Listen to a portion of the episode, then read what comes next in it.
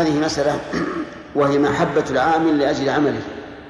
أنا لا أحبه شخصيا أحب العمل الذي يتقن. فلو سألنا لكن مع ذلك نحن نقول إننا نفضل المسلم على على الكافر في العمالة مهما كان. لأن الله قال في كتابه والعبد المؤمن خير من مشرك ولو أعجبكم وهذه في الواقع دعاية سيئة من بعض الناس والعياذ بالله حيث يقول إن الكفار أتقنوا في أعمالهم من المسلمين. الكفار يتقنون أعمالهم لأنهم يعلمون أنهم لو لم يتقنوا أعمالهم لم يأتوا إلى المسلمين. يجتمع حشف سوكيلة لكن يحسنون العمل لأجل أن يمشوا مع الناس. ولكني أقول كما قال الله عز وجل ولعبد مؤمن خير من مشرك ولا وجب. باب الدليل على دخول طوائف من المسلمين. الجنة الجنة بغير حساب ولا عذاب. حدثنا عبد الرحمن بن سلام بن سلام بن عبيد الله الجمحي. قال حدثنا قال حدثنا الربيع. يعني ابن مسلم عن محمد بن زياد عن أبي هريرة أن النبي صلى الله عليه وسلم قال يدخل من امتي الجنة سبعون الفا بغير حساب. فقال رجل يا رسول الله ادع الله أن يجعلني منهم. قال اللهم اجعله منهم. ثم قام آخر. فقال يا رسول الله ادع الله أن يجعلني منهم. قال سبقك بها عكاشة. وحدثنا محمد بن بشار. هذا أخبر النبي عليه الصلاة والسلام أنه يدخل من أمته الجنة سبعون ألفا بلا حساب وسيأتي في بعض الألفاظ ولا عذاب يعني أنهم يؤمر بهم إلى الجنة ولا يحاسبون. فقام عكاش بن محسن رضي الله عنه ووفق للمبادرة قال ادعو الله أن يجعلني منهم. قال اللهم اجعله منهم. وفي لفظ آخر قال أنت منهم ثم قام رجل آخر فقال ادعو الله أن يجعلني منهم. قال سبقك بها عكاشا وذهبت هذه مثلا. واختلف العلماء لماذا قال سبقك بها عكاشا فقيل لأن النبي صلى الله عليه وسلم علم أن هذا الرجل ليس أهلا لذلك. وقيل إنه أراد بذلك سد الباب حتى لا يقوم ثالث ورابع وهلم جرا.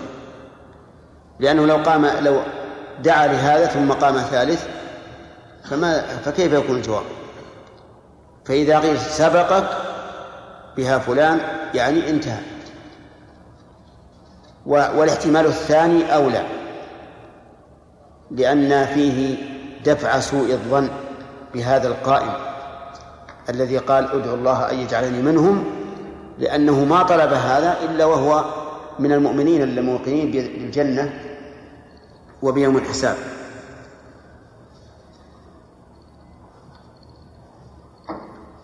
نعم.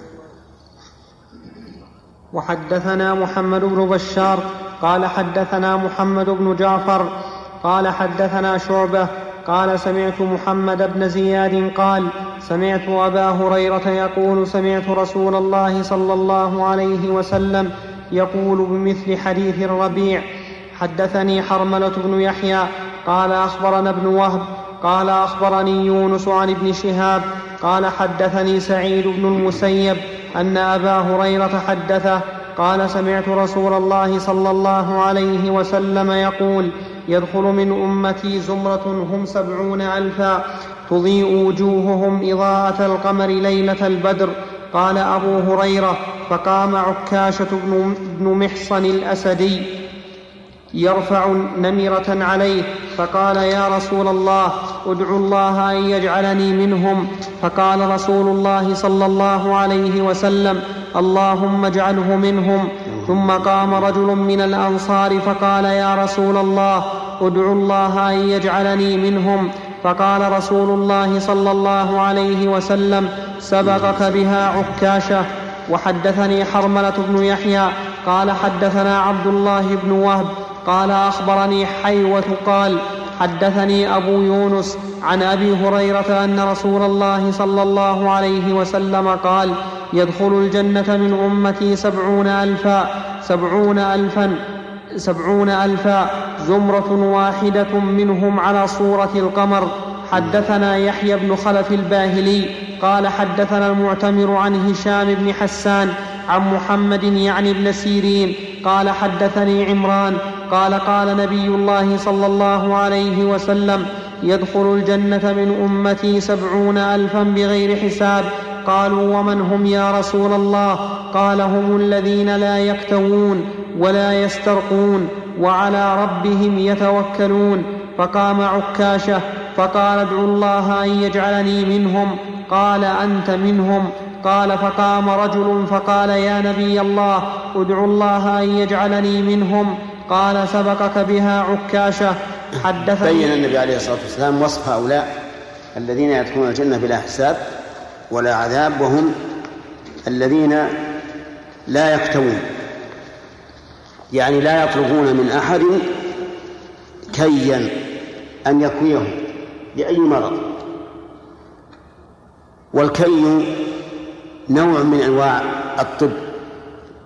كما قال النبي عليه الصلاة والسلام إن كان الشفاء في شيء ففي ثلاث وذكر منها الكي وهو أمر مجرب. في بعض الأمراض لا يشفى المريض إلا بالكي وهو الذي يعرف بذات الجنب. فإن ذات الجنب لا يشفى منها إلا إلا بالدواء إلا إلا بالكي. وكذلك مرض يعرف فيما سبق ولا أدري ما اسمه الآن يعرف بالحبة وهي عبارة ورمة تنشأ في الحلق أو في مراق اللحم لا ينفع فيها إلا الكي إذا كويت بإذن الله يبست وبرئ الإنسان منها وإلا فالموت. فالكي لا شك أنه مفيد ويفيد أيضا في حبس الدم عن النزيف. ومع ذلك لا ينبغي للإنسان أن يطلب من يكويه. لكن لو جاء أحد قال أنا أريد أن أكويك ففعل. فإن ذلك لا بأس به لأن النبي صلى الله عليه وعلى آله وسلم كوى سعد بن معاذ رضي الله عنه في أكحله حين أصيب في غزوة الخندق. الثاني قال ولا يسترقون. لا يسترقون يعني لا يطلبون من أحد أن يرقى عليهم أن يعني أن يقرأ عليهم. أما لو قرأ عليهم بدون طلب فإن ذلك لا يخرج الفاعل عن كونه من سبعين ألفا. والثالث ولا يتطيرون في بعض الروايات نذكرها لا يتطيرون. التطير هو التشاؤم بمرئي أو مسموع أو معلوم. هذا التطير التشاؤم بمرئي أو مسموع أو معلوم. التطير. نعم التشاؤم بمرئي إذا رأى شيئا تشاءم. وكان العرب يتشاءمون بالطيور ولهذا سمي الشؤم بالتطير من الطير. يزجرون الطير فإذا ذهب إلى اليمين تفاءل. وإذا ذهب إلى الشمال تشاءم أو إلى الأمام أو رجع. المهم لهم قواعد في ذلك. وكذلك التشاؤم بمسموع. يريد الإنسان أن يفعل شيئا. ثم يسمع صوتا. قد يكون صوت وهم لا حقيقة. يقول إن فعلت هلكت مثلا فيتشاءم. هذا يكون بإيش؟ بمسموع. يسمع الإنسان ما يصده عن حاجته فيتراجع. الثالث قلنا بالمعلوم يعني يتشاءم بشيء لا يرى ولا يسمع لكنه يعلم. كتشاؤم العرب ببعض أيام الأسبوع. كيوم الأربعاء مثلا أو ببعض شهور السنة كشهر صفر وما أشبه ذلك. وكذا تشاؤمهم وكتشاؤمهم بشهر شوال في النكاح.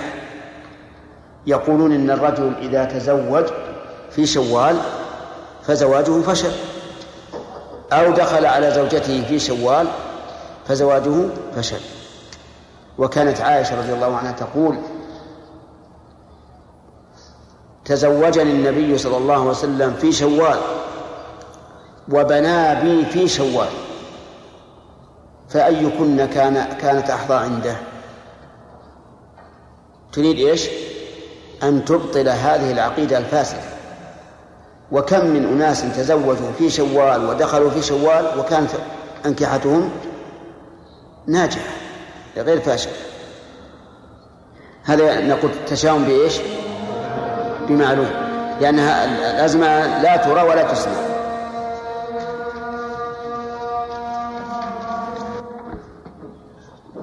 ها؟ كيف؟ شرط إي نعم نعم صحيح. بسم الله الرحمن الرحيم. في حديث عمران بن حصين في من يدخل الجنة بلا حساب ولا عذاب. قال النبي صلى الله عليه وعلى آله وسلم هم الذين لا يسترقون يعني لا يطلبون الرقية من أحد ولا يتطيرون لا يتشاءمون بمرئي أو مسموع أو معلوم ولا يكتوون. طيب ضد التطير وهو التفاؤل. هل هو محمود؟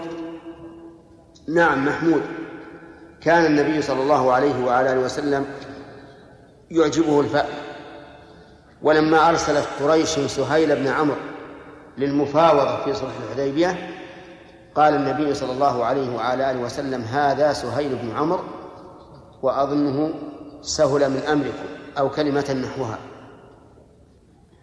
والفرق بين التطير والتشاؤم والتفاؤل أن التفاؤل يعطي الإنسان قوة واندفاعا في الخير ورجاء لما عند الله والتطير إيش؟ بعكس ذلك طيب. ولا يكتوون أي لا يطلبون الكي من غيرهم وعلى ربهم يتوكلون. هذه الخصلة الرابعة. على ربهم يعني على الله عز وجل. يتوكلون لا على غيره ولهذا قدم المعمول وتقديم ما حقه التأخير يفيد الحصر. يعني كلما رأيت شيئا مقدما عن مكانه فاعلم أن ذلك للحصر. فعلى ربهم يتوكلون بمنزلة لا يتوكلون إلا على ربهم. طيب فما هو التوكل؟ التوكل صدق الاعتماد على الله عز وجل مع الثقة وفعل السبب. صدق الاعتماد يعني يكون الإنسان مفوضا أمره إلى الله تفويضا كاملا. الثاني مع الثقة بالله أنه واثق بأن الله سبحانه وتعالى يكون حسبه. لأن الله يقول ومن يتوكل على الله فهو حسبه.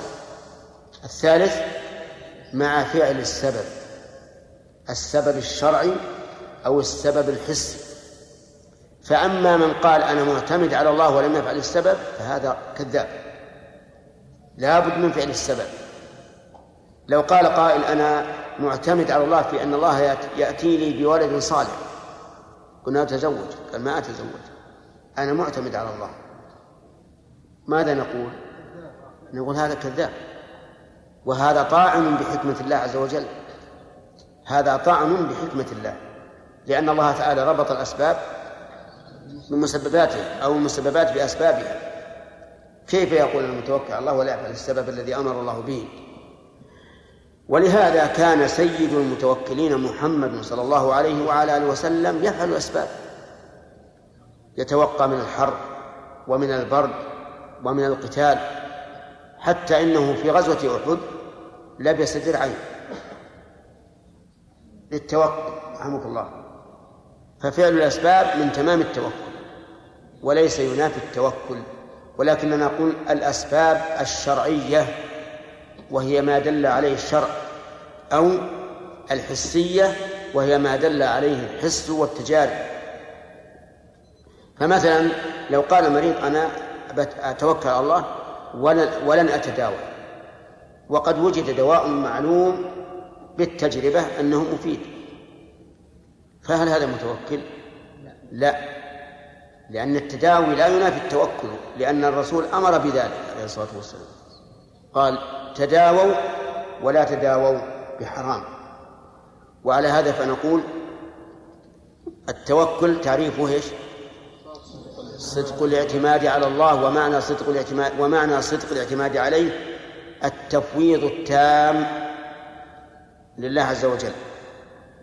الثاني الثقة به واثق بأن الله حسبه لأن الله يقول ومن يتوكل على الله فهو حسبه. اصدق الاعتماد على الله يكون حسبك الثالث مع فعل الأسباب مع فعل الأسباب الشرعية أو الحسية. طيب فأما التوكل على غير الله يعني لو أن الإنسان توكل على شخص بأن يشتري له حاجة فهذا ليس كالتوكل على الله لأنه ليس توكل عبادة. ما فيه رغبة ولا رهبة. والمتوكل هنا يشعر بأنه فوق الوكيل. بخلاف المتوكل على الله يشعر بإيش؟ بأنه دونه وأنه قد فوض أمره إليه. ولهذا لو قلت أنا توكلت عليك في فعل كذا وكذا فلا مانع. لأن المعنى اعتمدت عليك لكنه ليس اعتماد أو ليس توكل عبادة. ما فيه رغبة ولا رهبة ولا تفويض. بل المتوكل يشعر بإيش؟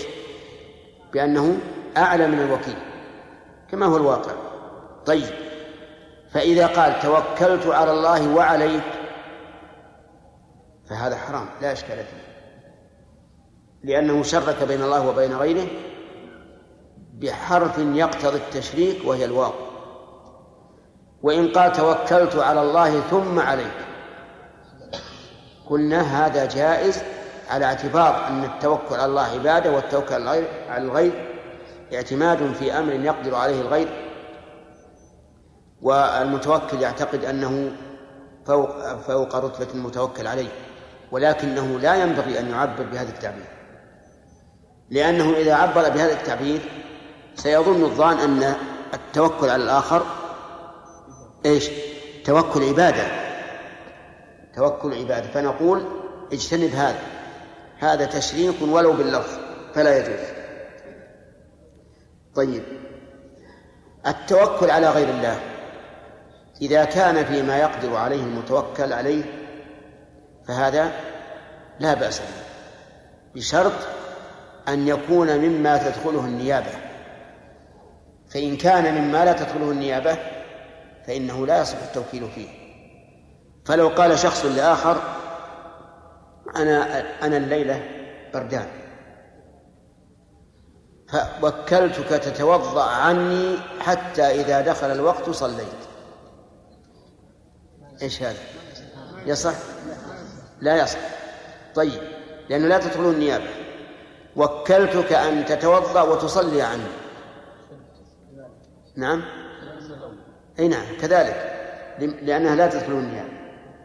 وكلتك أن تحج عني. يصح بشروط. يصح بشروط.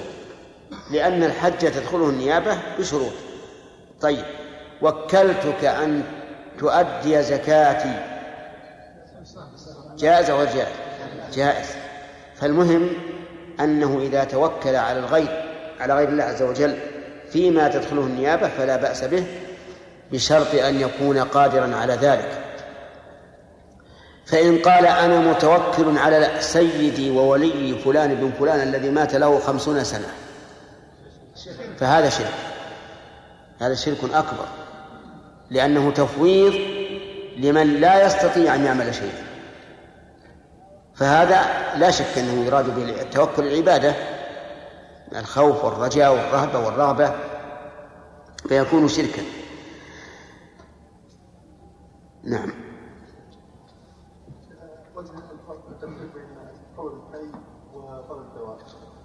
طلب إيش؟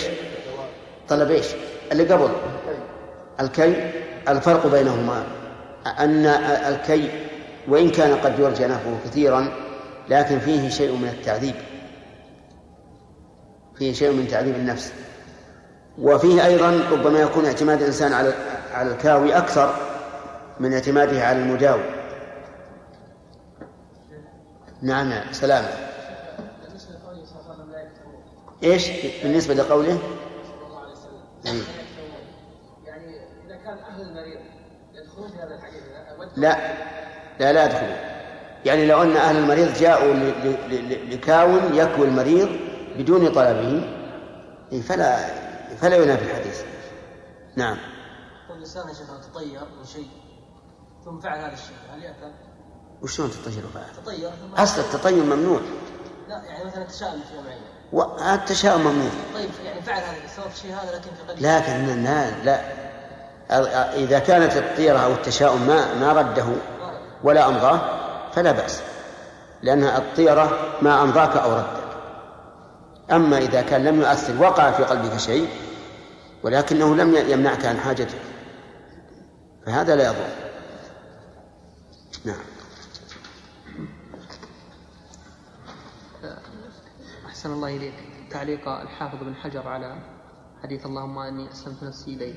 نعم. الآن ولا نخليه في درس البخاري؟ لا الآن الآن. حتى بعد الاخ علي السلطان عنده هنا دين لكن اسوى دين ما حضر بسم الله نعم. الرحمن الرحيم. ها؟ إيش؟ بسم الله الرحمن الرحيم. قوله وقل اللهم أسلمت وجهي إليك. كذا لأبي ذر وأبي زيد ولغيرهما أسلمت نفسي. قيل الوجه والنفس هنا بمعنى الذات والشخص أي أسلمت ذاتي وشخصي لك.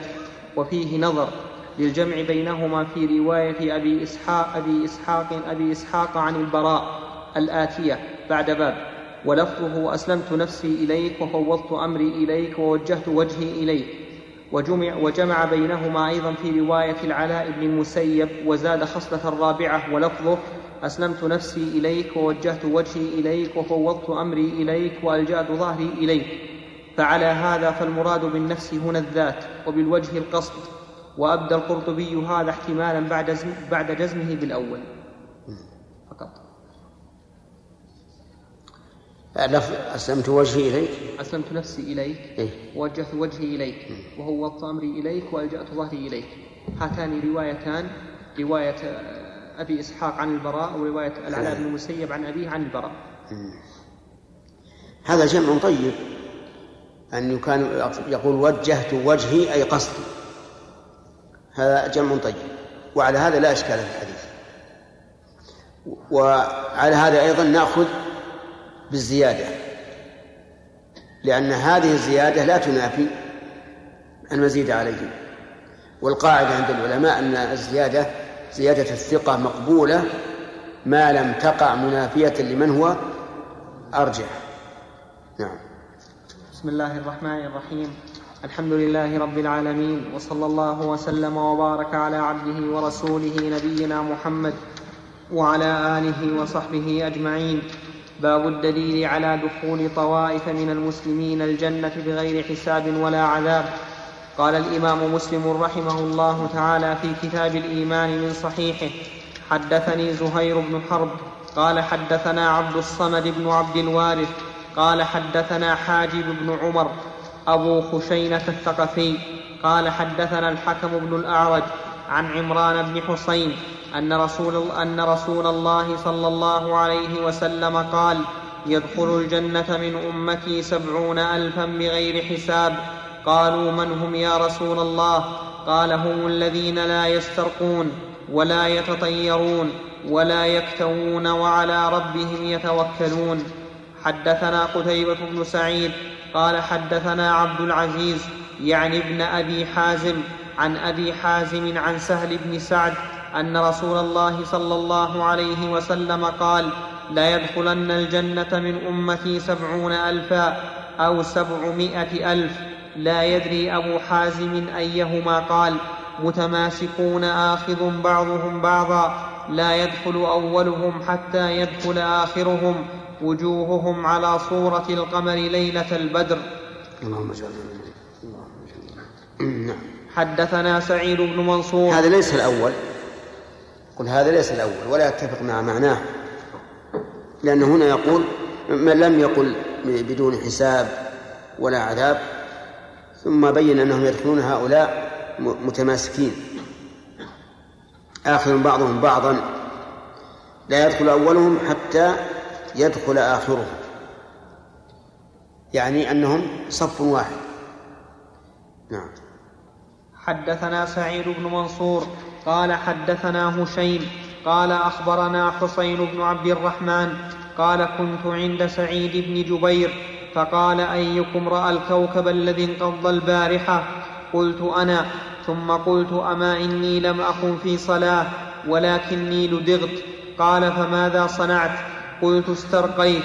قال فما حملك على ذلك؟ قلت حديث حدثناه الشعبي فقال وما حدثكم الشعبي؟ قلت حدثنا عن بريدة بن حصيب الأسلمي أنه قال لا رقية إلا من عين أو حمى فقال قد أحسن من انتهى إلى ما سمع. ولكن حدثنا ابن عباس عن النبي صلى الله عليه وسلم قال عرضت علي الأمم فرأيت النبي ومعه الرهيب والنبي ومعه الرجل والرجلان والنبي وليس, والنبي ليس معه أحد إذ رفع لي سواد عظيم فظننت أنهم أمتي فقيل لي هذا موسى صلى الله عليه وسلم وقومه ولكن انظر إلى الأفق ولكن انظر إلى الأفق فنظرت فإذا سواد عظيم فقيل لي انظر إلى الأفق الآخر فإذا سواد عظيم فقيل لي هذه أمتك. ومعهم سبعون ألفا يدخلون الجنة بغير حساب ولا عذاب. ثم نهض فدخل منزله فخاض الناس في أولئك الذين يدخلون الجنة بغير حساب ولا عذاب. فقال بعضهم فلعلهم الذين صحبوا رسول الله صلى الله عليه وسلم. وقال بعضهم فلعلهم الذين ولدوا في الإسلام ولم يشركوا بالله وذكروا أشياء فخرج عليهم رسول الله صلى الله عليه وسلم فقال ما الذي تخوضون فيه؟ فأخبروه فقال هم الذين لا يرقون ولا يسترقون ولا يتطيرون وعلى ربهم يتوكلون. فقام عكاشة بن, محس بن فقام عكاشة بن محصن فقال ادعوا الله أن يجعلني منهم فقال أنت منهم. ثم قام رجل آخر فقال ادعوا الله أن يجعلني منهم. فقال سبقك بها عكاشة. حدثنا أبو بكر بن أبي شيبة. قال حدثنا محمد بن فضيل عن حسين عن سعيد بن جبير. قال حدثنا ابن عباس قال قال رسول الله صلى الله عليه وسلم عرضت علي الأمم ثم ذكر باقي ثم ذكر باقي الحديث نحو حديث هشيم ولم يذكر أول حديثه. بسم الله هذا الحديث فيه معنى ما سبق أنه يدخل من هذه الأمة الجنة سبعون ألفا بغير حساب ولا عذاب وفيه فوائد. أولا تساؤل السلف الصالح عما يقع في الآفاق في السماء أو في الأرض. وليس هذا من باب التحدث بما لا يعني لأنه قد يكون مما يعني الإنسان. أن يسأل عما يجري الله عز وجل في الكون ليستدل به على ما يدل عليه من صفات الله عز وجل. قول أيكم رأى الكوكب الذي انقض البارحة وهذا يرى كثيرا قبل أن تعم الأنوار الكهربائية. دائما نرى في السماء آه، كواكب تنقض. بعضها يكون مضيئا جدا جدا وتكون ويكون انسحابه طويلا وبعضها دون ذلك. وفي أيضا حرص السلف في البعد عن أن يمدحوا بما لم يفعلوا. لقوله أما إني لم أكن في صلاة ولكني لدغت لأنه لما قال رأيت الكوكب قد يظن الظان أنه كان يصلي فأراد أن يدفع ذلك عن نفسه. وإذا رأيت الفرق بين زمانهم وزماننا تعجب. عندنا كثير من الناس يحبون أن يحمدوا بما لم يفعلوا. وفي السلف كثير من الناس أو أكثرهم لا يحبون ذلك. بل إذا حصل ما يوهم أنهم فعلوا شيئا يمدحون عليه تبرأوا منه كما في هذا الحديث. ومن وفيها أيضا قوله إني استرقيت. يعني طلبت من يرقي علي. فسأله ما حملك على ذلك؟ قلت حديث حدثناه الشعبي قال وما حدثكم الشعبي قال حدثنا عن بريدة بن حصيب الأسلمي قال أنه قال لا رقية إلا من عين أو حمى. لا رقية إلا من عين أو حمى. العين هي عين الحاسد التي تصيب المحسود. وهي عبارة عن كتلة تخرج من قلب خبيث حاسد حتى حتى تصيب من أراده بالعين. وهي حق. العين حق. ثابتة. ولو سبق القدر شيء لسبقته العين. ولكن ما الذي يدفع من شرها؟ الذي يدفع من شرها هو أن يستعمل الإنسان الأوراد الشرعية التي تكون في الصباح والمساء. هذه واحدة. والثاني أن لا يهتم بها وأن لا تكون له على بال لأنه إذا اهتم بها وكانت منه على بال فربما يغلبه الوهم حتى تصيبه العين أو حتى يظن أنه مصاب بالعين وهو لم لم يصب بها. فالإنسان ينبغي أن يكون قويا معتمدا على الله عز وجل مفوضا أمره إليه. وأما الحمى فهو السم. ويكون من من لدغ الحية والعقرب وغيرهما من اللواسع. وهذه أيضا تنفع فيها القراءة. تنفع فيها نفعا عاما نعم واقعا. فإن من الناس من إذا قرأ على اللذيذ شفي في الحال. ومن أحسن ما يقرأ به على اللذيذ الفاتحة. كما جرى ذلك للصحابة الذين نزلوا على قوم فلم يضيفوهم. فسلط الله على سيد هؤلاء القوم عقربا لدغته وكأنها شديدة. فقالوا انظروا هؤلاء الرهط الذين نزلوا بكم هل هل عندهم قارئ؟ فجاءوا للصحابة وقالوا لا نقرأ. أنتم لم تضيفونا لا نقرأ إلا أن تعطونا جعلا. فأعطوهم غنما. فذهب أحدهم يقرأ على هذا الذي سورة الفاتحة. فقام الذي كأنما نشط من عقال يعني كأنه بعير فك عقاله قام في الحال فأخذوا الغنم ثم صار عندهم إشكال هل تحل لهم أو لا؟ حتى وصلوا إلى المدينة. فذكروا ذلك للنبي صلى الله عليه وعلى آله وسلم فقال خذوا واضربوا لي معكم بسهم. فأذن لهم أن يأخذوا هذا وطيب قلوبهم بأن طلب أن يضربوا له بسهم. هو عليه الصلاة والسلام ليس بحاجة فيما يظهر لهذا لهذا اللحم لكن من أجل أن يطيب قلوبهم. لأن الإنسان قد يقتنع بالفعل أكثر مما يقتنع بالقول.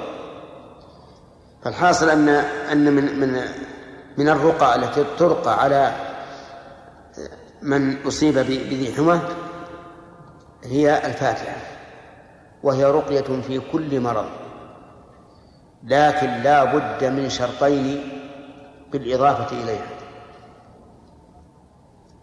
وهي إيمان الفاعل وقبول المحل. إيمان الفاعل وقبول المحل.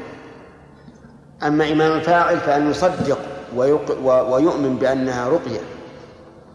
وأما قبول المحل فأن يكون معتمدا على الله عز وجل وعلى ثم على هذه. وهو قريب من الإيمان يعني إيمان الفاعل وإيمان المحل. فلو كان الذي يقرأ عليه الفاتحة يشك في هذا والله ما أدري لكن جرب فإنها لا تنفع. لا بد من قبول تام. يقول قد فقال قد أحسن من انتهى إلى ما سمع وهذه كلمة ينبغي أن تكون مثلا وأظنها ذهبت مثلا. قد أحسن من انتهى إلى ما سمع. لأن لأن الله لا يكلف نفسا إلا وسعها. ولكن حدثنا ابن عباس عن النبي صلى الله عليه وعلى آله وسلم قال عرضت علي الأمم يعني في المنام فرأيت النبي ومعه الرهيط. الرهيط أصل الرهط ما دون العشرة. وإذا كانوا رهيط صاروا قليلين جدا. والنبي ومعه الرجل والرجلان. والنبي ليس معه أحد.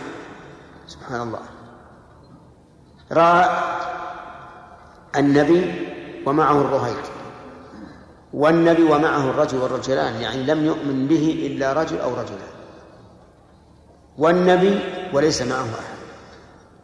لأن من من الأنبياء من قتل. كما قال الله تعالى يقتلون الأنبياء بغير حق.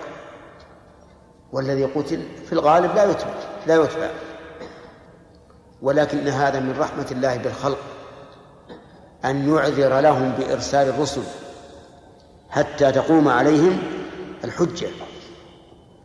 طيب يقول إذ رفع علي سواد عظيم.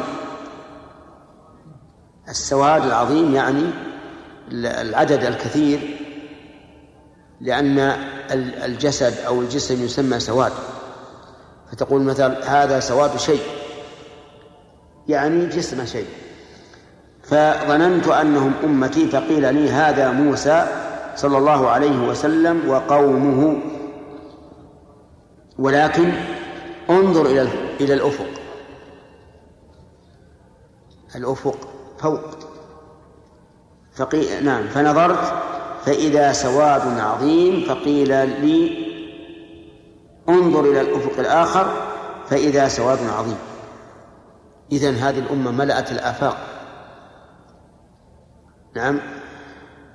فقيل لي هذه أمتك ومعهم سبعون ألفا يدخلون الجنة بغير حساب ولا عذاب ثم نهض صلى الله عليه وعلى آله وسلم فدخل منزله فخاض الناس في أولئك الذين يدخلون الجنة بغير حساب ولا عذاب. خاض يعني تكلموا وانتشر الحديث بينهم. فمنهم من يقول كذا ومنهم من يقول كذا. فقال بعضهم فلعلهم الذين صحبوا رسول الله صلى الله عليه وعلى آله وسلم. وقال بعضهم نعم الذين صحبوه يعني صحبة خاصة. وليس المراد مطلق الصحبة لأن جميع الصحابة كلهم قد صحبوه مطلق الصحبة. وقال بعضهم فلعلهم الذين ولدوا في الإسلام ولم يشركوا بالله شيئا.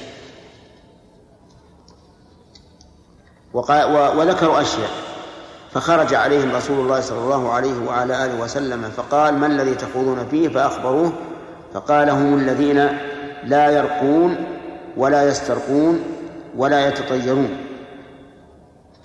قوله لا يرقون يعني لا يقرؤون على غيرهم ولا يسترقون لا يطلبون من غيرهم أن يقرأ عليهم ولا يتطيرون.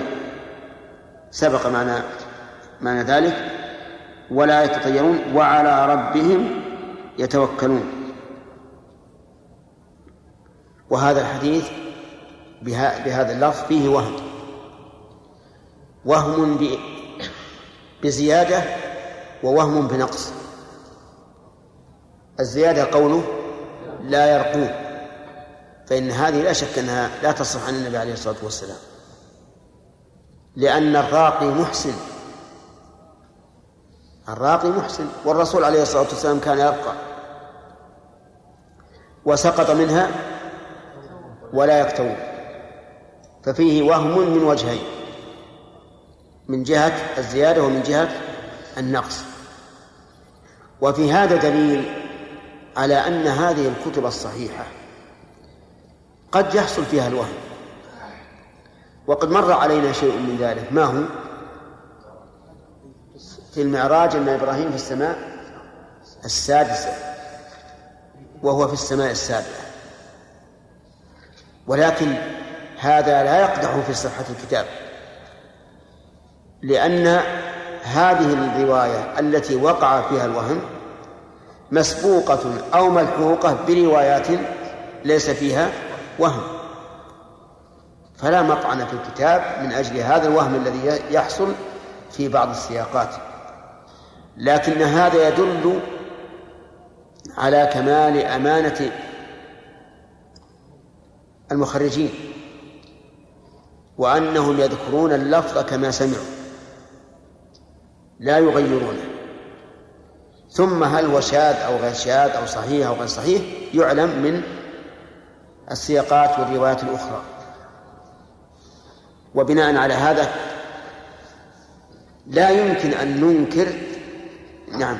لا يمكن أن ننكر تضعيف كل ما جاء في الصحيحين أو أحدهما في بعض السياقات. لأننا نقول هذا السياق الوهم ممن من؟ الراوي. لكن السياقات الأخرى ليس فيها وهم. فإذا قال إذا لماذا يأتي به؟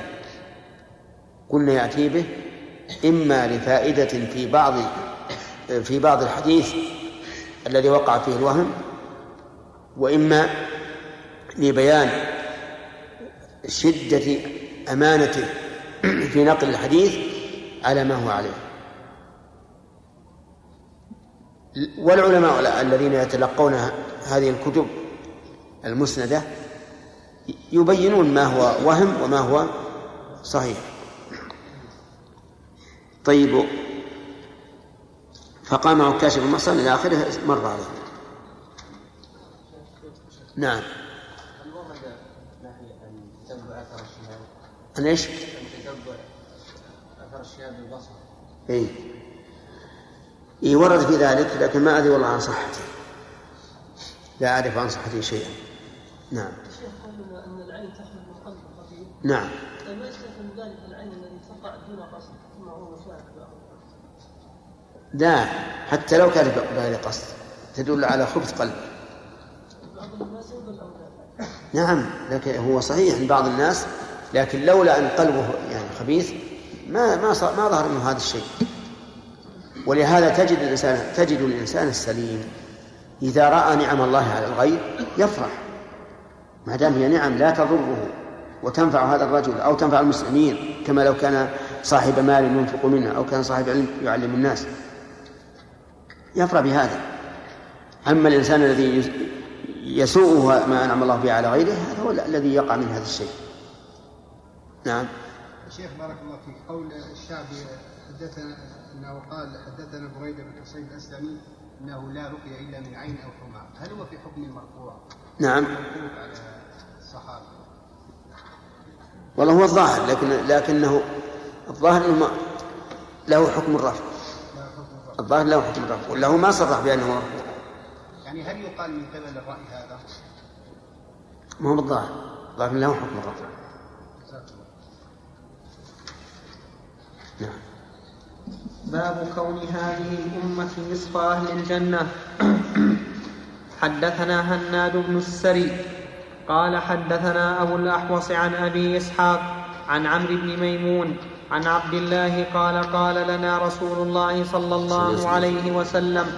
أما ترضون أن تكونوا ربع أهل الجنة؟ قال فكبرنا. ثم قال أما ترضون أن تكونوا ثلث أهل الجنة؟ قال فكبرنا. ثم قال إني لأرجو أن تكونوا شطر أهل الجنة وسأخبركم عن ذلك. ما المسلمون في الكفار إلا كشعرة بيضاء. في ثور أسود أو كشعرة سوداء في ثور أبيض. حدثنا محمد بن المثنى ومحمد بن بشار واللفظ لابن المثنى. قال حدثنا محمد بن جعفر قال حدثنا شعبة عن أبي إسحاق عن عمرو بن ميمون عن عبد الله قال كنا مع رسول الله صلى الله عليه وسلم في قبة نحو من أربعين رجلا فقال أترضون أن تكونوا ربع, ربع أهل الجنة؟ قال قلنا نعم. فقال أترضون أن تكونوا ثلث أهل الجنة؟ فقلنا نعم. فقال والذي نفسي بيده إني لأرجو أن تكونوا نصف أهل الجنة. وذاك أن الجنة لا يدخلها إلا نفس مسلمة. وما أنتم في أهل الشرك إلا كالشارة البيضاء. في جلد الثور الأسود أو كالشارة السوداء في جلد الثور الأحمر. حدثنا محمد بن عبد الله بن نمير. قال حدثنا أبي. قال حدثنا مالك وهو ابن, وهو ابن مغول. عن أبي إسحاق عن عمرو بن ميمون عن عبد الله قال خطبنا رسول الله صلى الله عليه وسلم فأسند ظهره إلى قبة أدم. فقال ألا, ألا لا يدخل الجنة إلا نفس مسلمة اللهم هل بلغت؟ اللهم اشهد. أتحبون أن تكونوا أن تكون أتحبون أنكم ربع أهل الجنة؟ فقلنا نعم يا رسول الله. فقال أتحبون أن تكونوا ثلث أهل الجنة؟ قالوا نعم يا رسول الله. قال إني لأرجو أن تكونوا شطر أهل الجنة. ما أنتم في سواكم من الأمم إلا كالشعرة السوداء في الثور الأبيض أو كالشعرة البيضاء في الثور الأسود. هذه من نعم الله عز وجل على هذه الأمة أنهم أكثر أهل الجنة لأنهم نصف أهل الجنة وبقية الأمم كلها النصف الآخر. بل قد ورد في المسند أن الجنة مئة وعشرون صفا. منها ثمانون من هذه الأمة. وعلى هذا فيكون ثلثي أهل الجنة. وقد حدث النبي عليه الصلاة والسلام الصحابة بأن الله تعالى يقول يوم القيامة يا آدم فيقول لبيك وسعديك فيقول أخرج من ذريتك بعثا إلى النار. أو قال بعث النار قال وما بعث النار؟ أي مبعوثها قال من كل ألف تسعمائة وتسعة وتسعون. يعني واحد من الألف الجنة والباقي في النار. فعظم ذلك على الصحابة. وقالوا يا رسول الله أينا ذلك الواحد؟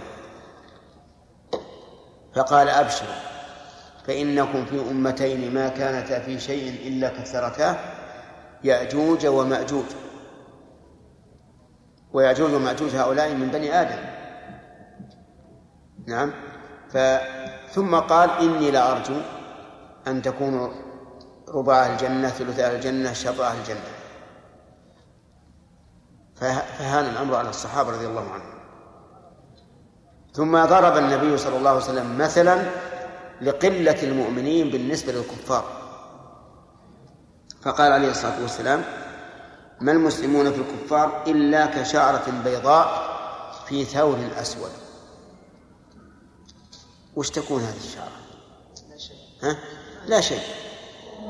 أو كشعرة بيضاء أو كشعرة سوداء في ثور أبيض. ليست بشيء. فالحمد لله رب العالمين. أسأل الله أن يجعلني وإياكم من أهل الجنة.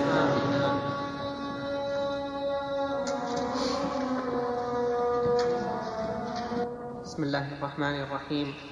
الحمد لله رب العالمين وصلى الله وسلم على نبينا محمد وعلى آله وصحبه أجمعين. باب قوله يقول الله لآدم أخرج بعث النار من كل ألف تسع من كل ألف تسعمائة وتسعة وتسعين.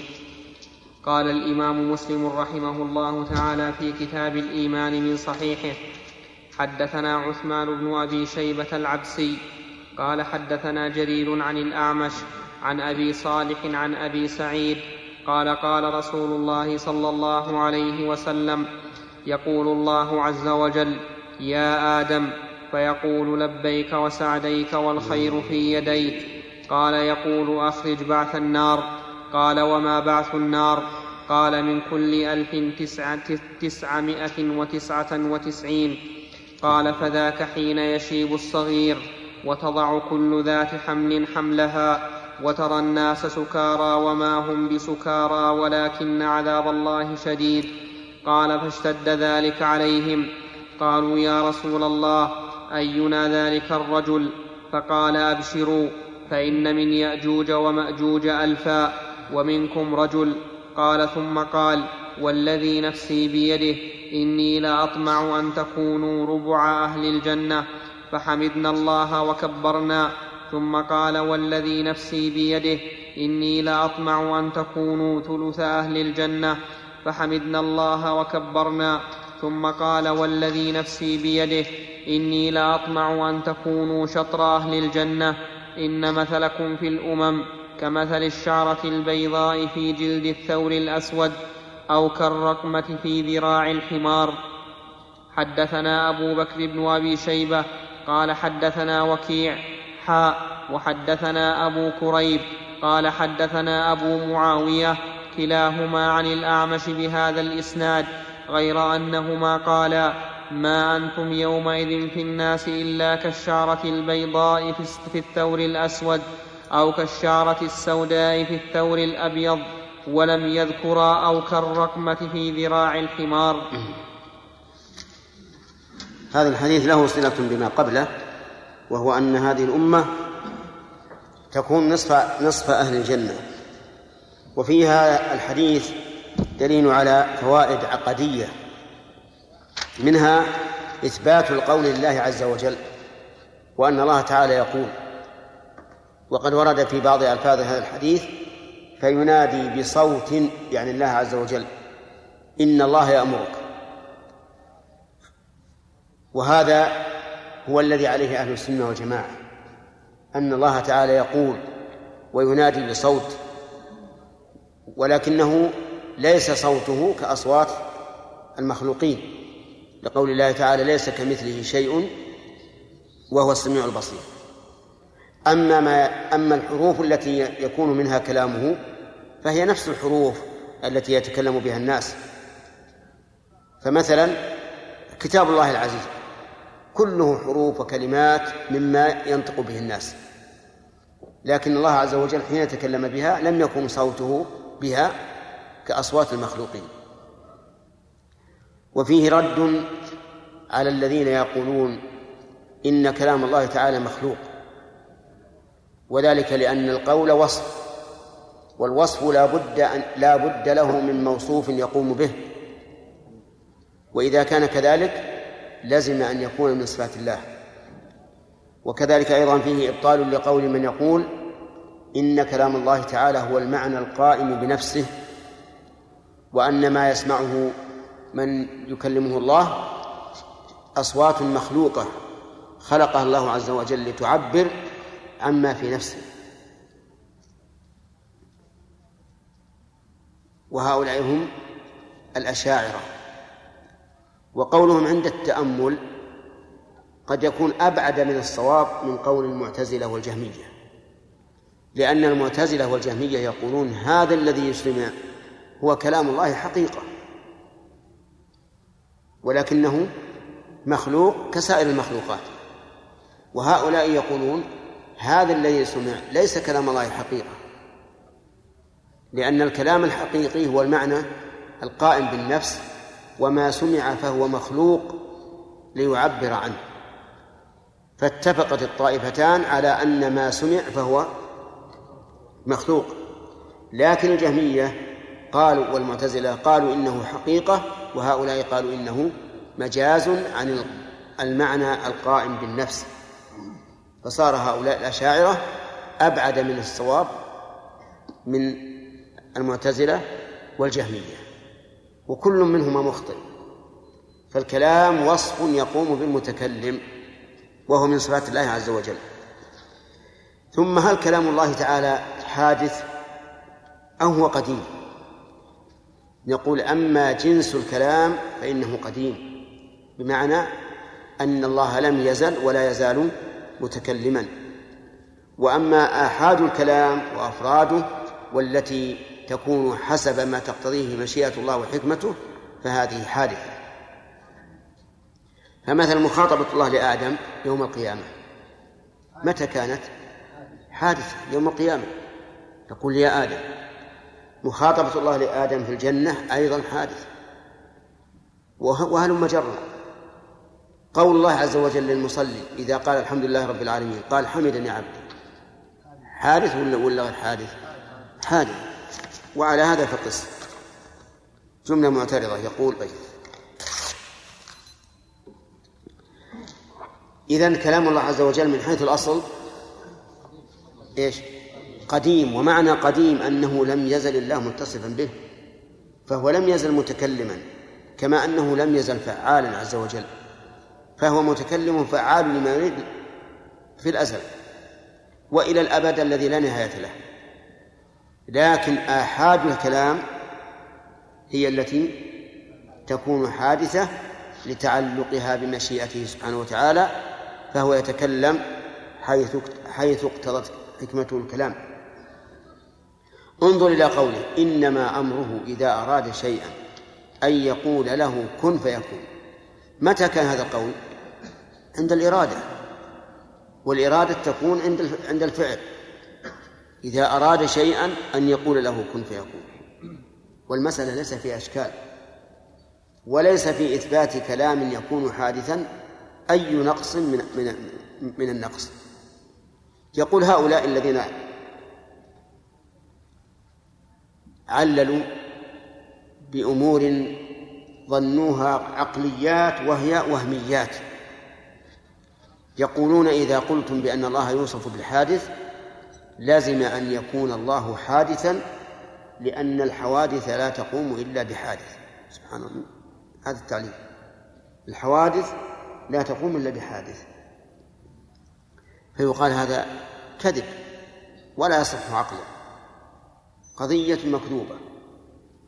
لأن الحوادث تقوم بغير الحادث. ويدل لهذا أننا نحن الآن مخلوقون من عدم. وما نحدثه من بعد فإن وجودنا سابق عليه. أليس كذلك؟ ما نحدثه نحن فوجودنا سابق عليه. إذن ما يحدثه الله عز وجل من أفعاله وكلامه فإن وجود الله سابق عليه ووجود الله معلوم عقلا أنه أزلي. وبهذا يتبين كذب هذه المقولة أن الحوادث لا تقوم إلا بحادث إذن فعقيدتنا أننا نثبت لربنا جل وعلا كلاما حقيقة يتكلم به كما يشاء وكيف يشاء ومتى شاء وبما شاء. ولسنا نحجر على ربنا شيئا أثبته لنفسه. هذه هي عقيدتنا في هذه المسألة العظيمة. وليعلم أن الذين يقولون إن القرآن مخلوق وليس كلام الله ليعلم أنهم بذلك ابطلوا الشرائع. كلامهم يقتضي بطلان الشريعة. لأنه إذا كان مخلوقا صارت حروف مخلوقة على صور معينة لا مدلول لها. حروف مخلوقة على صفة معينة أو أصوات مخلوقة على صفة معينة ليس لها حقيقة. أقم أقم الصلاة مثلا أقم الصلاة أمر بإقامة الصلاة.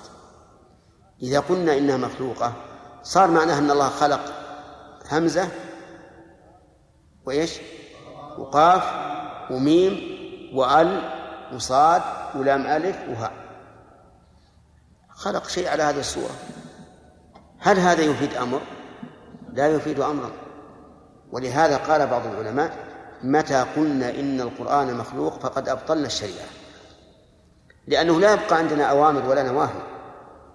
ما هي إلا صور مسموعة أو صور مرقومة. صورة للحرف صورة للكلمة صورة لما يسمع. وهذا قل من يتفطن له من طلبة العلم. قل من يتفطن لخطورة هذا القول. وكنا يعني نرى في كلام شيخ الإسلام وابن القيم أنه إذا قلنا بأن القرآن مخلوق بطل لازم من ذلك بطلنا الشريعة. لكننا نتوقف كيف يلزم ذلك؟ حتى فتح الله عليه. وعرفنا أن المعنى أنه لا يكون هناك أمر ولا نهي وإنما هو صور. صور مرقومة أو أصوات مسموعة كما نسمع وجبة الحصاة مثلا على الحديد وما أشبه ذلك. ما في أمر ولا نهي. فالحاصل أننا نؤمن بأن الله يتكلم بكلام حقيقي مسموع. عرفتم؟ وأنه لا يشبه أصوات المخلوقين. لأن الصوت وصف وكل صفاته لا تشبه صفات المخلوقين. فإن قال قائل ما ما الذي يتكلم الله به بأي لغة قلنا هذا سؤال متعنت. لأن كتابنا القرآن الكريم بين الله عز وجل بأي لغة هو. فقال نزل به الروح الأمين على قلبك لتكون من المنذرين بإيش؟ بلسان عربي مبين. وقال جل, جل وعلا إنا جعلناه قرآنا عربيا. يعني صيرناه باللغة العربية. لعلكم تعقلون. فنفهم من هذا من هذا التعليل أن الله تعالى يخاطب كل أحد بما يفهمه من لغته لأن الله قال في هذا القرآن جعلناه قرآنا عربيا لعلكم تعقلون وفي أيضا من العقائد إثبات إثبات قيام الساعة. إثبات قيام الساعة وهذا أمر يكفر من ينكره لأنه أحد أركان الإيمان الست الستة. وفي أيضا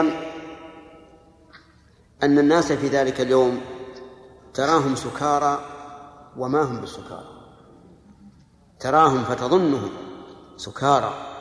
لأنه ما عند من شدة الهول يكون الإنسان يتصرف أو كالمرعوب كالمزعوج كالسكران. وما هم بسكارى ولكن عذاب الله شديد. من هنا من هذه النقطة يتبين بطلان من رجح قول الله تعالى وترى الجبال تحسبها جامدة وهي تمر مر السحاب حيث ادعى أن هذا في في الدنيا وليس في الآخرة واستدل به على دوران الأرض. قال ترى الجبال تحسبها جامدة وهي تمر مر السحاب. وعلل ذلك قال لأنه لو كان يوم القيامة لكان خطأ. لأن الناس يوم القيامة لا لا يتوهمون الأشياء يرونها على حقيقتها. فلا يرون الجبال يحسبونها جامدة. فنقول هذا هذا غلط. ها هو الله يقول تراهم سكارى وما هم بسكارى ولكن عذاب الله شديد. فيتوهمون أن هؤلاء الذين ليسوا بسكارى يتوهمون أنهم سكارى. والإنسان إنسان في الدنيا وفي الآخرة. فعلى كل حال هذه من من العقائد. ومن فوائد الحديث أن هذه الأمة بالنسبة للأمم السابقة الكافرة قليلة جدا. قليلة جدا. كالشعرة السوداء في جلد الثور الأبيض أو كالشعرة البيضاء في جلد الثور الأسود. ومنها من فوائد الحديث إشفاق الصحابة رضي الله عنهم حيث قالوا أينا ذلك الرجل؟ ومنها أن رسول الله صلى الله عليه وسلم أحسن الناس خلقا لأنه لما رآهم مزعجين قال لهم إيش؟ أبشروا. قال أبشروا. وهكذا ينبغي للإنسان إذا رأى شخصا منزعجا بمصيبة أو غيرها يقول أبشر أبشر فإن الفرج مع الكرب وإن مع العسر يسرا. أبشر فإن ثواب هذا أعظم من مصيبته وما أشبه ذلك. أدخل عليه السرور حتى ينشرح صدره. في الحديث إشكال وهو قوله بعث النار من كل ألف نسمة من كل ألف تسعمائة ونعم من كل ألف تسعمائة وتسعة وتسعين. وفي الحديث وفي آخر الحديث قال منهم ألف ومنكم واحد. وش وجه الإشكال؟ نعم. ألف يكون واحد ناجي من ألف وواحد. وعلى الأول واحد من ألف. ومع العدد الكثير يكون الفرق كبيرا جدا. يعني مع العدد الكثير بنو آدم من يحصيهم إلا الله. يكون الفرق كثيرا جدا. فكيف المخرج من هذا الإشكال؟ نعم. بعث النار. أما هذا هو عدد الأمم. يكون العدد العام من كل ألف. يجوز ماجوج يقابله واحد بني آدم. نعم. أما بعث النار فمن كل ألف من العموم يخرج 97 إلى النار. من يأجوج وماجوج واحد من بني آدم الآخرين فهمتم كلامه؟ تصورتموه؟ يقول من كل ألف تسعمائة تسعة وتسعين مضافا إليهم من ليسوا من يأجوج ومأجوج من الكفار. ويأجوج ومأجوج منهم ألف ومن الصحابة واحد. وإذا كانت نسبة يأجوج ومأجوج للمجموع توافق هذا الجزء من الألف استقام الكلام. نعم. يمكن يجبر الكسر 999 نعم. قال النبي صلى الله عليه وسلم يقصد به 999 إي نعم. هذا احتمال. هو هذا. هو هذا. هذا فيه هذا الاحتمال. إن الرسول قال من منكم رجل منهم ألف يريد بالرجل هذا تكميل الألف. تكميل الألف. لكن ما زال الإشكال ما في شيء بال ها؟ ما ذكر شيء. والمعروف أن المعروف من الأحاديث الأخرى أنه أن من كل ألف رجل واحد.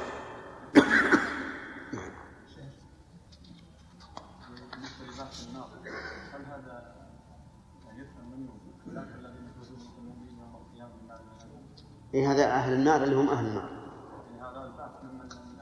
أهل النار اللي هم أهلها نعم.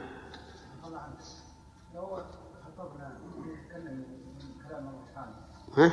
كلام الله نقول هل لو نرد عليه نقول هل كلامك انت خالق انت بنفسك ولا مخلوق ولا ولا شيء من ما لك بالتصرف وش وجه ان نرد هذا ولا ما لا يقول اللي خلقه الله. الله. إيه ولكني أنا أتكلم بمشيئته لا ما يقول يقول اللي مشكلة سليم قالوا مشيئة جانا عدم مذهب الجبرية. مشكلة.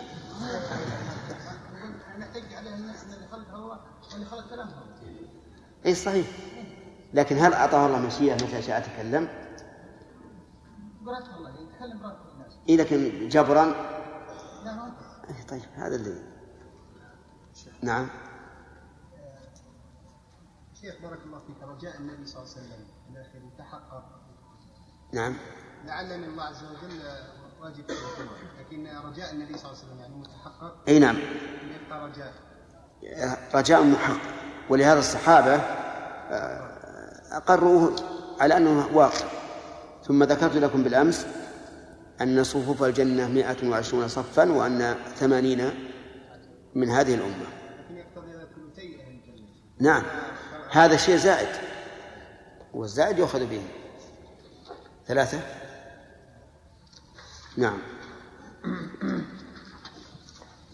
بسم الله الرحمن الرحيم. كتاب الطهارة باب فضل الوضوء. قال الإمام مسلم رحمه الله تعالى في كتاب في كتاب الطهارة من صحيحه. حدثنا إسحاق بن منصور. قال حدثنا حبان بن هلال. قال حدثنا أبان. قال حدثنا يحيى. أن زيدا حدثه أن أبا سلام حدثه عن أبي مالك الأشعري. قال قال رسول الله صلى الله عليه وسلم الطهور شطر الإيمان والحمد لله تملأ الميزان وسبحان الله والحمد لله تملأان أو تملأ ما بين السماوات والأرض والصلاة نور والصدقة برهان والصبر ضياء والقرآن حجة لك أو عليك. كل الناس يغدو فبائع نفسه فمعتقها أو موبقها. بسم الله. قال المؤلف بسم الله الرحمن الرحيم. وهذه البسملة ساقطة في بعض النسخ ثابتة في بعض النسخ. أما وجه ثبوتها فلأن هذا الباب منفصل عما سبق لأن ما سبق كله يتعلق بالإيمان. أما هذا فيتعلق بالأعمال والإيمان من أعمال القلب كما كما عرفتم وأقوال القلب وأما هذا فهو من أعمال الجوارح. وبدأ المؤلف رحمه الله كغيره بالطهارة لأن آكد أركان الإسلام بعد الشهادتين الصلاة. والصلاة مفتاحها الطهور مفتاحها الطهور. فلذلك بدأوا رحمهم الله بالطهارة. ثم اعلم أن الطهارة نوعان. طهارة قلب وطهارة بدن. أما طهارة البدن فتنقسم إلى قسمين. طهارة حسي يعني عادية وطهارة تعبدية. فأما طهارة القلب فإنها خاصة بالمسلم. لقول الله تعالى يا أيها الذين آمنوا إنما المشركون نجس. ولقول النبي صلى الله عليه وعلى آله وسلم المؤمن لا ينجس. وأما الطهارة الحسية فالتعبدية خاصة بالمسلم لأن الكافر لا يتعبد الله تعالى بالطهارة. حتى لو تروج تغسل فإنه لا يتعبد لله بذلك. والطهارة الحسية الحسية غير التعبدية يشترك فيها من؟ المسلم والكافر.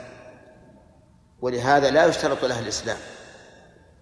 والمقصود بالطهارة في كلام المؤلف رحمه الله الطهارة الحسية التعبدية. وهي الوضوء والغسل والتيمم. لكن يجب علينا أن نعتني بالطهارة القلبية أكثر مما نعتني بهذه. الطهارة القلبية من كل رجس من كل رجس سواء فيما يتعلق بمعاملة الخالق أو ما يتعلق بمعاملة المخلوق. فالشرك رجس والنفاق رجس والشك رجس والكبر عن عبادات الله رجس. أما معاملة أما الرجس في معاملة الخلق فالحسد والكراهة والبغضاء والحقد وما أشبهها فالواجب أن نطهر القلب من ذلك كله حتى يكون القلب صافيا نقيا. أما الطهارة الحسية فقد عرفتم أنها تنقسم إلى تعبدية وغير تعبدية والتعبدية خاصة بالمسلم وغيرها. عام عام شامل. قال النبي صلى الله عليه وسلم الطهور شطر الإيمان. شطر أي جزءه وإن شئت فقل نصف الإيمان. وذلك لأن الإيمان تخلية وتحلية. أو إن شئت فقل تنقية وإثبات. انظر إلى كلمة التوحيد. لا إله إلا الله متضمنة لطهارة من كل معبود سوى الله ولإثبات ففيها شطران. فالطهور شطر الإيمان لأن الإيمان كما قلت لكم تنقية تحلية وتخلية. فلهذا صار شطر الإيمان. والحمد لله تملأ الميزان. أي ميزان هو؟ الميزان الذي ينصب يوم القيامة توزن به أعمال العباد وهو ميزان حقيقي له كفتان. لقول الله تعالى ونضع الموازين القسط ليوم القيامة فلا تظلم نفس شيئا. وله كفتان لحديث صاحب البطاقة. تجعل البطاقة في كفة والسجلات في كفة. وقال بعض العلماء له لسان. واللسان هو الذي يشير إلى رجحان أحد الجانبين في الموازين.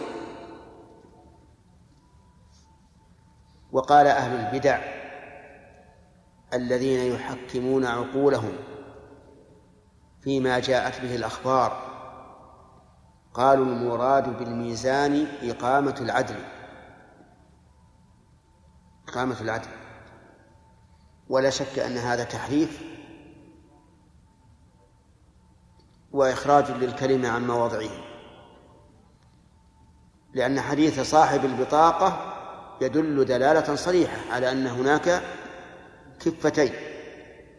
وكذلك قال النبي عليه الصلاة والسلام كلمتان حبيبتان إلى الرحمن ثقيلتان في الميزان خفيفتان على اللسان سبحان الله وبحمده سبحان الله العظيم. ثقيلتان في الميزان. كيف؟ لو كان الميزان ميزانا معنويا لم يستقم مثل هذا هذا التقسيم. طيب الحمد لله تملأ الميزان. إذا قال قائل كيف تملأ الميزان وهي عمل؟ ليس حجما يوزن بل هو عمل. قلنا إن الله عز وجل يجعل الأعمال أجساما يوم القيامة. فتوزن. وحينئذ تملأ الميزان. قال وسبحان الله.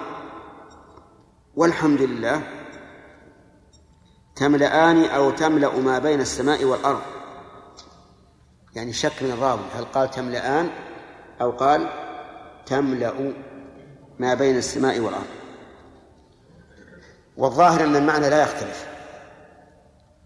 يعني حتى لو قال سبحان الله والحمد لله تملأ فإنه لا بأس أن يخبر بالمفرد عن الاثنين لدلالة القرينة. والجمع بين التسبيح والتحميد جمع بين تنزيه الله عز وجل عما لا يليق به وإثبات صفات الكمال له. من أين يؤخذ التنزيه؟ من سبحان الله.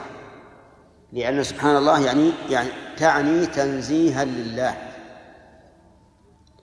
وأما إثبات الكمال فيؤخذ من الحمد لأن الحمد يكون على صفات الكمال وعلى صفات الإفضال فالله يحمد على كماله وعلى إفضاله عز وجل. سبحان إذا أردنا أن نحللها من حيث اللغة يقولون إنها اسم مصدر سبح والتسبيح مصدر. لكن سبحان بمعنى التسبيح. فسبحان الله يعني تسبيح الله. فقالوا إنها اسم مصدر. وأنها ملازمة للنصب على المفعولية المطلقة. يعني أنها مفعول مطلق. وأن عاملها محذوف. دائما. أما معناها فعرفتم أن معناها هو تنزيه الله عما لا يليق به. من صفات النقص أو سمات المحدثين. نعم. والحمد لله الحمد قلت لكم يكون على الإفضال وعلى إيش؟ وعلى الكمال. على الكمال والإفضال. فيحمد عز وجل على كماله وعلى نعمه. وبهذا يعرف الفرق بين الحمد والشكر. لأن الشكر يكون في مقابل النعم. النعم. بخلاف الحمد. لكن قالوا إن بين الشكر والحمد عموم وخصوص. لأن لأن الشكر يتعلق باللسان والجوارح والقلب. والحمد يكون باللسان والأفعال فقط. وعلى هذا قول الشاعر أفادتكم النعماء مني ثلاثة يدي ولساني والضمير المحجبة أما الحمد فيكون بالثناء والثناء يكون بالقول باللسان وربما يكون بالأفعال. ثم قال الصلاة نور. نور لإيش؟ للقلب وفي القبر ويوم القيامة. بل وللوجه للقلب والوجه وفي القبر ويوم القيامة. لأن الرسول صلى الله عليه وعلى آله وسلم أطلق قال الصلاة نور. الصدقة برهان أي دليل دليل على إيمان صاحبها وصدقه وتصديقه بوعد الله. وذلك لأن الصدقة بذل شيء محبوب للنفوس وهو المال. كما قال الله تعالى وتحبون المال حبا جما وقال وإنه لحب الخير لشديد ومعلوم أن الإنسان لا يبذل محبوبا إلا لما هو أحب. وهذا يتضمن التصديق التام بثواب الصدقة ولهذا بذل ما يحبه لينال هذا الثواب من الله عز وجل. والصبر ضياء. الصبر حبس النفس. وما أثقل حبس النفس على الإنسان لأن كل واحد يحب أن تكون نفسه حرة. فالصبر حبس النفس. ولهذا جعله ضياء. والضياء يتضمن شيئين الحرارة والإضاءة. كما قال تعالى هو الذي جعل الشمس ضياء والقمر نورا. الشمس جعل الله ضياء لأنها حارة وفيها نور. فيها إضاءة. والقمر نور لأنه بارد ليس فيه حرارة. الصبر ضياء قلنا أنه حار. لماذا؟ لأنه ثقيل على النفس. يحتاج إلى تعب وعناء. قال العلماء والصبر ثلاثة أنواع. صبر على طاعة الله وصبر عن معصية الله وصبر على أقدار الله المؤلمة. وأعلاها من حيث هي صبر. أعلاها الصبر على طاعة الله. ثم الصبر عن معصيته. ثم الصبر على أقدار الله. هذا من حيث هي. بقطع النظر عن الصابر أحيانا يكون الصبر عن المعصية أشد على الإنسان من الصبر على الطاعة. والصبر على الأقدار أشق عليه من الصبر على الطاعة. أو على المعصية لكن من حيث هي من حيث أنه صبر نقول على الطاعة وأفضل لأن الصابر على الطاعة صابر على فعل.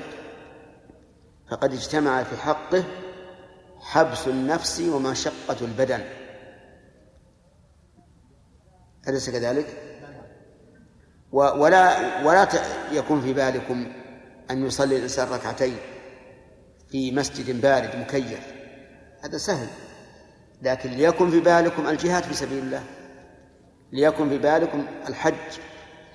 ليكن في بالكم الصوم في أيام في أيام الصيف. هذا فيه مشقة. فهو, فهو حبس النفس على أمر على أمر تكرهه وفيه فعل مشقة للبدن. الصبر عن المعصية ما في مشقة على البدن لأنه ترك. ما فيه إلا تحمل الصبر عن عن الفعل فقط. فلذلك صار في المرتبة الثانية. الصبر على الأقدار. ما في صبر لا على فعل ولا على ترك. الأقدار من الذي قدرها الله عز وجل. مالك فيها دخل. ولهذا صار هو أدناه لكن قد يكون في بعض الأحيان أشق على النفس من الصبر على على الطاعة. يقول بعض السلف في صبر المصيبة. إما أن تصبر صبر الكرام وإما أن تسلو سلو البهائم. وش معنى هذا؟ يعني مثل لو فقد الإنسان حبيبا له. فإما أن يصبر صبر الكرام ويرجو الثواب من الله وإما أن يسلو سلو البهائم. أنتم الآن تتذكرون مصائب مرت بكم. كنتم حين المصيبة في حزن شديد. ومع الزمن إيش؟ نسيتموها. راحت. فالمصيبة ستزول بكل حال. سيزول أثره لكن إن صبرت صبر الكرام أثبت. وإن لم تصبر فسوف تسلو سلو البهائم. كما لو فقدت الشاة ولدها فهي تطلبها أول ما تطلبه ثم بعد ذلك تسلو عنه. أليس كذلك؟ نعم. إذن الصبر ينقسم إلى كم؟ ثلاثة أقسام. ثم قال النبي صلى الله عليه وعلى آله وسلم القرآن حجة لك أو عليك. ما أشد هذه الجملة. القرآن إذا قرأته فهو حجة لك أو عليك. إن آمنت بأخباره والتزمت بأوامره واجتنبت نواهيه فهو إيش؟ فهو لك. حجة لك أمام الله عز وجل. وإن كان الأمر بالعكس صار حجة عليك. ولهذا فهو سلاح. إما لك وإما عليك. وما أكثر الذين يتلون كتاب الله ولكنهم لا يتلونه.